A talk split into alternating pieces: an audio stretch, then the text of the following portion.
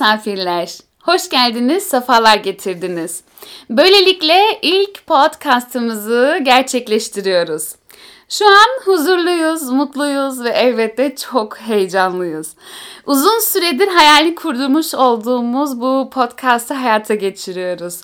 Ve bu bize ayrı bir mutluluk veriyor. Hamd içerisindeyiz.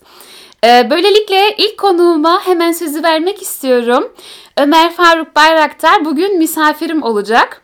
Onu bu podcast'ta ağırlamak gerçekten de çok mutluluk verici.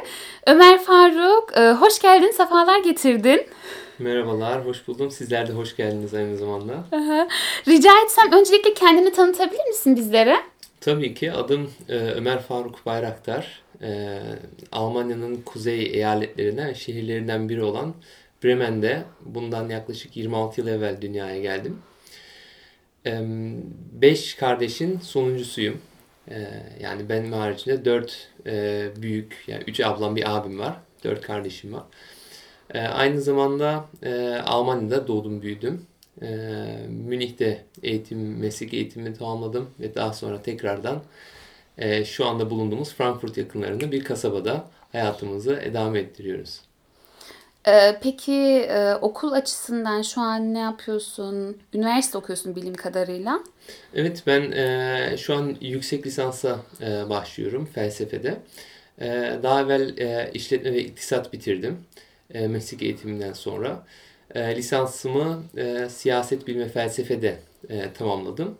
Ve şimdi de e, yalnızca felsefede yüksek lisansımı e, başlamış bulunmaktayım. Hadi bakalım inşallah e, yolun hep açık olsun Ömer Faruk. E, Ömer Faruk ben e, Kavram Atölyesi projesinde tanıdım. E, kavram Atölyesi deyince hala e, şu an e, aklıma farklı farklı kavramlar gerçekten oluşuyor. Ve Ömer Faruk deyince aklıma kavram atölyesi geliyor. Ve kavram atölyesi açıkçası bana çok şey kattı. Ve buradan e, dinleyicilerimize e, bu kavram atölyesini kısmen nasıl anlatabiliriz Ömer Faruk? E şöyle bundan takriben 3 yıl evvel e, Türkiye'de bir vakıf vasıtasıyla e, bir vakfa proje olarak e, tanıttım. Daha sonra o vakfın e, kabulüyle başlamak üzere olan bir projeydi. O vakıfla yollarımızı ayırmaz, e, ayırmakla birlikte tek başımıza yola devam ettik. Ve amacımız burada e, Almanya'da, Almanya'nın farklı şehirlerinde bugün 3 e, şehrinde okumalar e, devam ediyor. Bunlardan biri e, Frankfurt bölgesi, biri Dortmund ve biri Osnabrück. Bunun haricinde iki sanal grup olarak okumalar e, devam ediyor. Kavram Atölyesi'nin asıl amacı daha evvel sözünü ettiğim gibi Almanya'nın ve sanal gruplarla birlikte Avrupa'ya ulaşan bir kitlemiz oldu. Az, küçük ama kaliteli bir kitleden bahsediyoruz. Burada üniversite eğitimine ve devam eden ve üniversite eğitimini tamamlamış olan gençleri bir araya toplamak, kavramlar üzeri düşünmek, tefekkür etmek, bunları tam anlamıyla irdelemek üzere bir proje okumalar yapıyoruz, münazaralar gerçekleştiriyoruz. E, hocalarımızdan dersler alıyoruz. Son olarak e, e, Ehli Sünnet Akaidinin birçok alanına tekabül eden e, temel eserleri, akaid derslerini e, gerçekleştirdik. Türkiye'den bir hocamız vasıtasıyla. Bundan buradan da Allah razı olsun tekrar kendilerinden. Ee, böyle bir e, proje olarak tanımlarım ben kavram atölyesini. Yani kavram deyince kavramın tam Almancası ne? Önce begrifflich? Be begriff. Begriff olarak evet, geliyor begriff. değil mi? Ve aslında e, özellikle ben de kavram atölyesine bir süre katıldım sizin okumalarınıza. Gerçekten çok e, verimli bir dönemdi benim için. Ve o an yani daha doğrusu o süreçte şunu anladım Begriffe yani kavramlar aslında bizler için o kadar değerli, o kadar önemli ki günlük hayatımızı etkileyen, düşüncemizi etkileyen, hatta e, kültürümüzü, dinimizi yani yaşadığımız dini, çevremizi etkileyen e, önemli bir e, olay aslında kavramlar. Ama günümüzde sanki bunu biraz daha böyle önemsemiyoruz gibi geliyor. Tabii şimdi genel anlam itibariyle son zamanlarda üzerinde durduğum e, bir araştırmacı var e, Kozelek kendisi Begriffsgeschichten diye bir e, bilim dalı e, ortaya çık, e, çıkardı. E, çok üzücüdür ki bu bilim dalı Begriffsgeschichten şu an farklı diller tercümesi yok. Kendisi Alman. Ve burada e, şu alanı irdeliyor. Kavramların tarihi vetireler e, esnasında kendilerini geliştirdiği ve çıkış itibariyle aynı manayı korumadıkları mesel, e, misal olarak e, demokrasi kavramını veriyor. Hı hı. Antik Yunan'da evet. demokrasinin e, gördüğü kabul bugünkü demokrasiyle aynı değil. Yani antik Yunan'daki demokrasinin tanımı bile bugünküyle aynı hı hı. değil.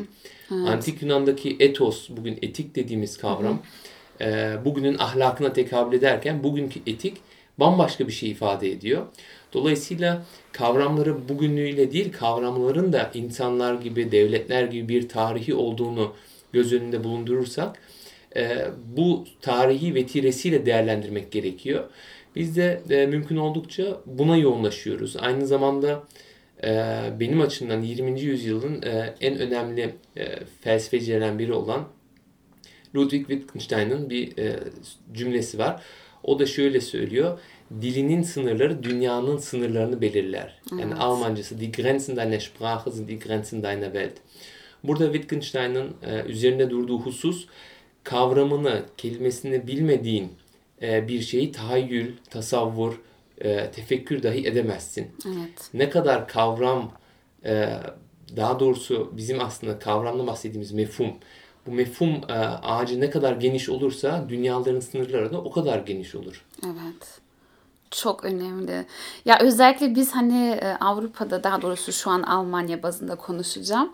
Ee, Almanca'da da kısmen bazı kavram kavramlara hakimiz. Türkçe'de de yine aynı şekilde veya kullandığımız belirli kavramlar var ve bu kavramlarımızı daha doğrusu bu kavramlarımızın ağacını hani az önce de bahsettin daha geniş tutsak muhtemelen daha farklı bir dünyamız olacak diye düşünüyorum. Ee, ama şu da aklıma geliyor ve e, Ömer Faruk e, kavram atölyesi gibi projeleri aslında şu an gençler de kendi okullarında, sınıf arkadaşlarıyla veya komşularıyla da yapabilirler değil mi? Hani illa diyelim ki bir platforma başvurmak zorunda değiller veya illa e, hani belirli bir vakfa veya derneğe gitmek zorunda değiller. Hani e, daha doğrusu bu kitap atölyesi gibi bir şey oluyor değil mi? Bu daha yaygın zannedersem. Evet. Hani evet. bir kitap okuyup e, o esnada hani e, arkadaşlarla birlikte o kitabı analiz etmek, işte Türkçe de olabilir, Almanca da olabilir, başka dilde de olabilir. Önemli olan onun üzerine konuşmak ve o esnada zaten o kavram ağacı daha çok genişleyecek değil mi?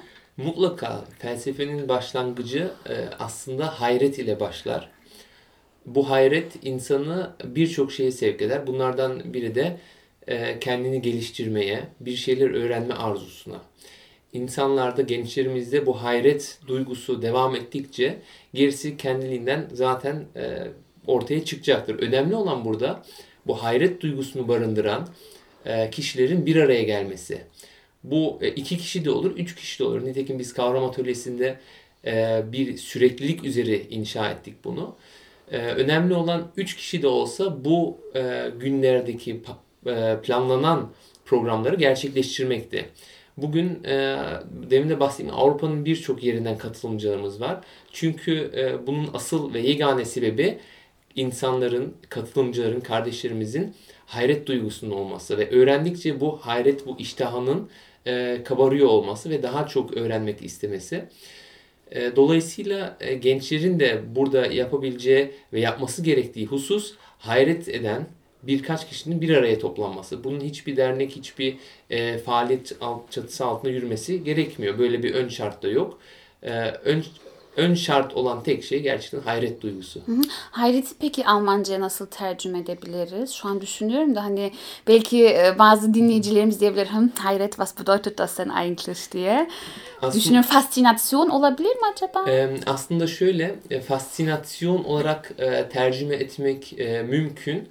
Ama antik e, Yunanca'daki e, felsefenin doğuşuyla ortaya çıkan hayreti biz bugün aslında merak olarak da e, evet. merak olarak da anlayabiliriz. Evet. E, Türkçe'ye bu e, şey gibi e, antik Yunan'daki agete'nin aslında ahlak olarak tercüme ediliyor olması ama aslında erdem manası olduğu. Dolayısıyla e, fascinasyon veya daha isabetli e, staunen daha Staunen, isabetli bir evet. E, tercüme olacaktır. Hı hı. Ama e, tabii bu hususta yine şunu unutmamak lazım.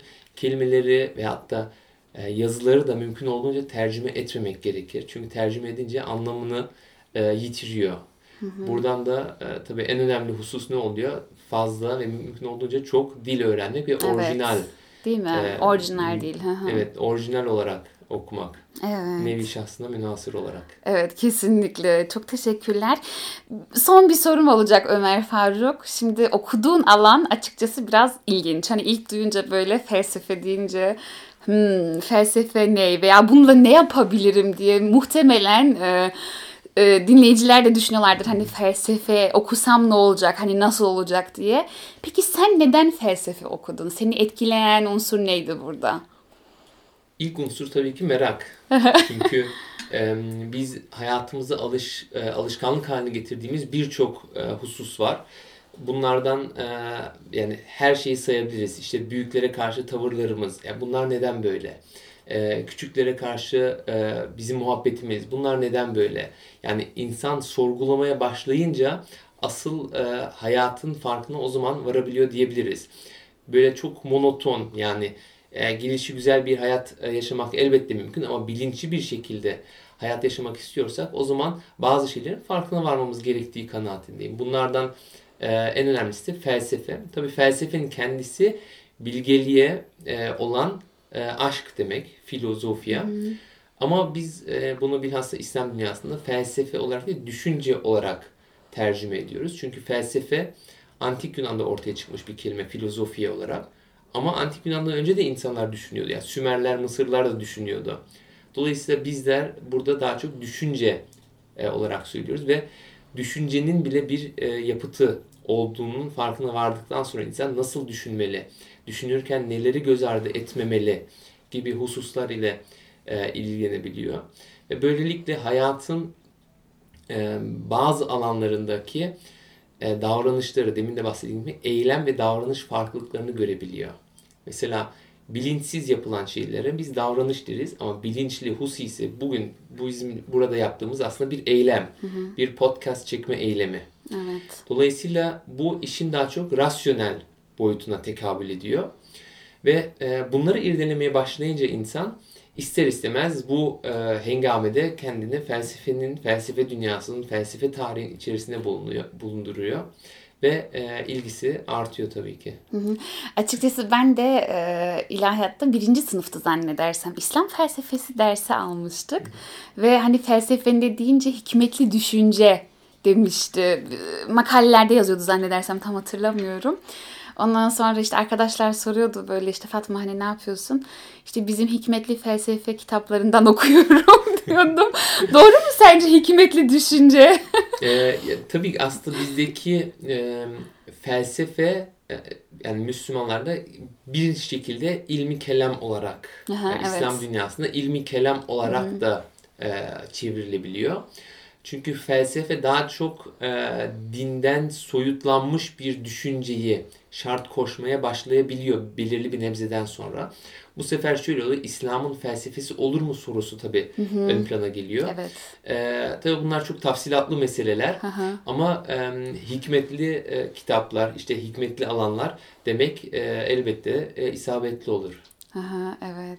Hoşuma gitmişti yani hikmetli düşünüyorum böyle e, ayrı bir hani felsefe kavramı genellikle dediğim gibi böyle biraz daha batıyı çağrıştırıyor demek istemiyorum. Hani çok şey olur, e, klişe olmuş olur veya böyle çok bir rafa kaldırmış olurum ama e, felsefe deyince insanlar biraz daha böyle çekiniyor ve korkuyorlar mı bilmiyorum. Böyle biraz daha şüpheli yaklaşıyorlar açıkçası.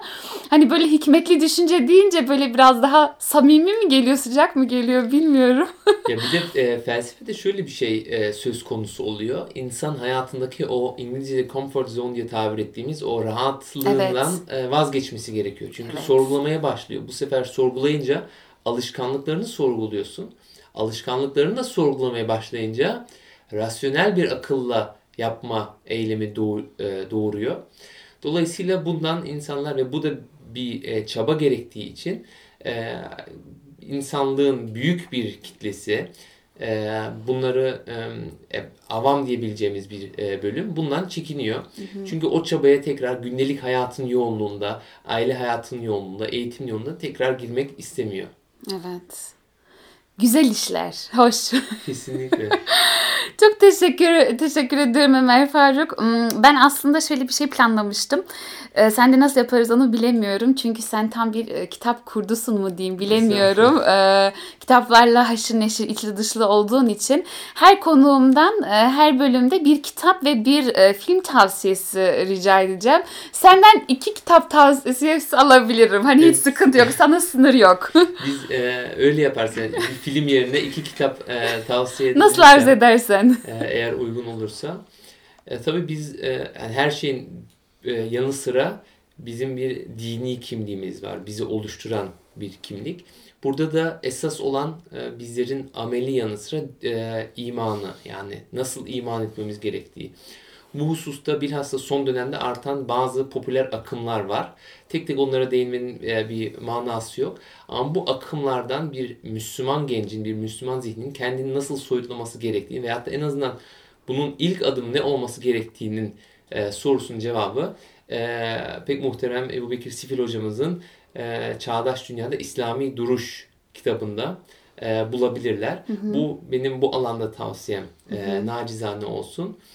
Diğer e, felsefi veya düşünce alanında da e, İsmet Özel'in e, Üç Zor Mesele, daha evvel Üç Mesele diye e, basılmış. Bugün Üç Zor Mesele olarak adlandıran, adlandırılan yabancılaşma, teknik ve medeniyet konularına değinen e, kitabını nacizane e, tavsiye edeyim. Çok teşekkür ediyorum ben Ömer teşekkür Faruk. Ederim. Podcastımıza katıldığın için de ayrıca teşekkür ediyorum.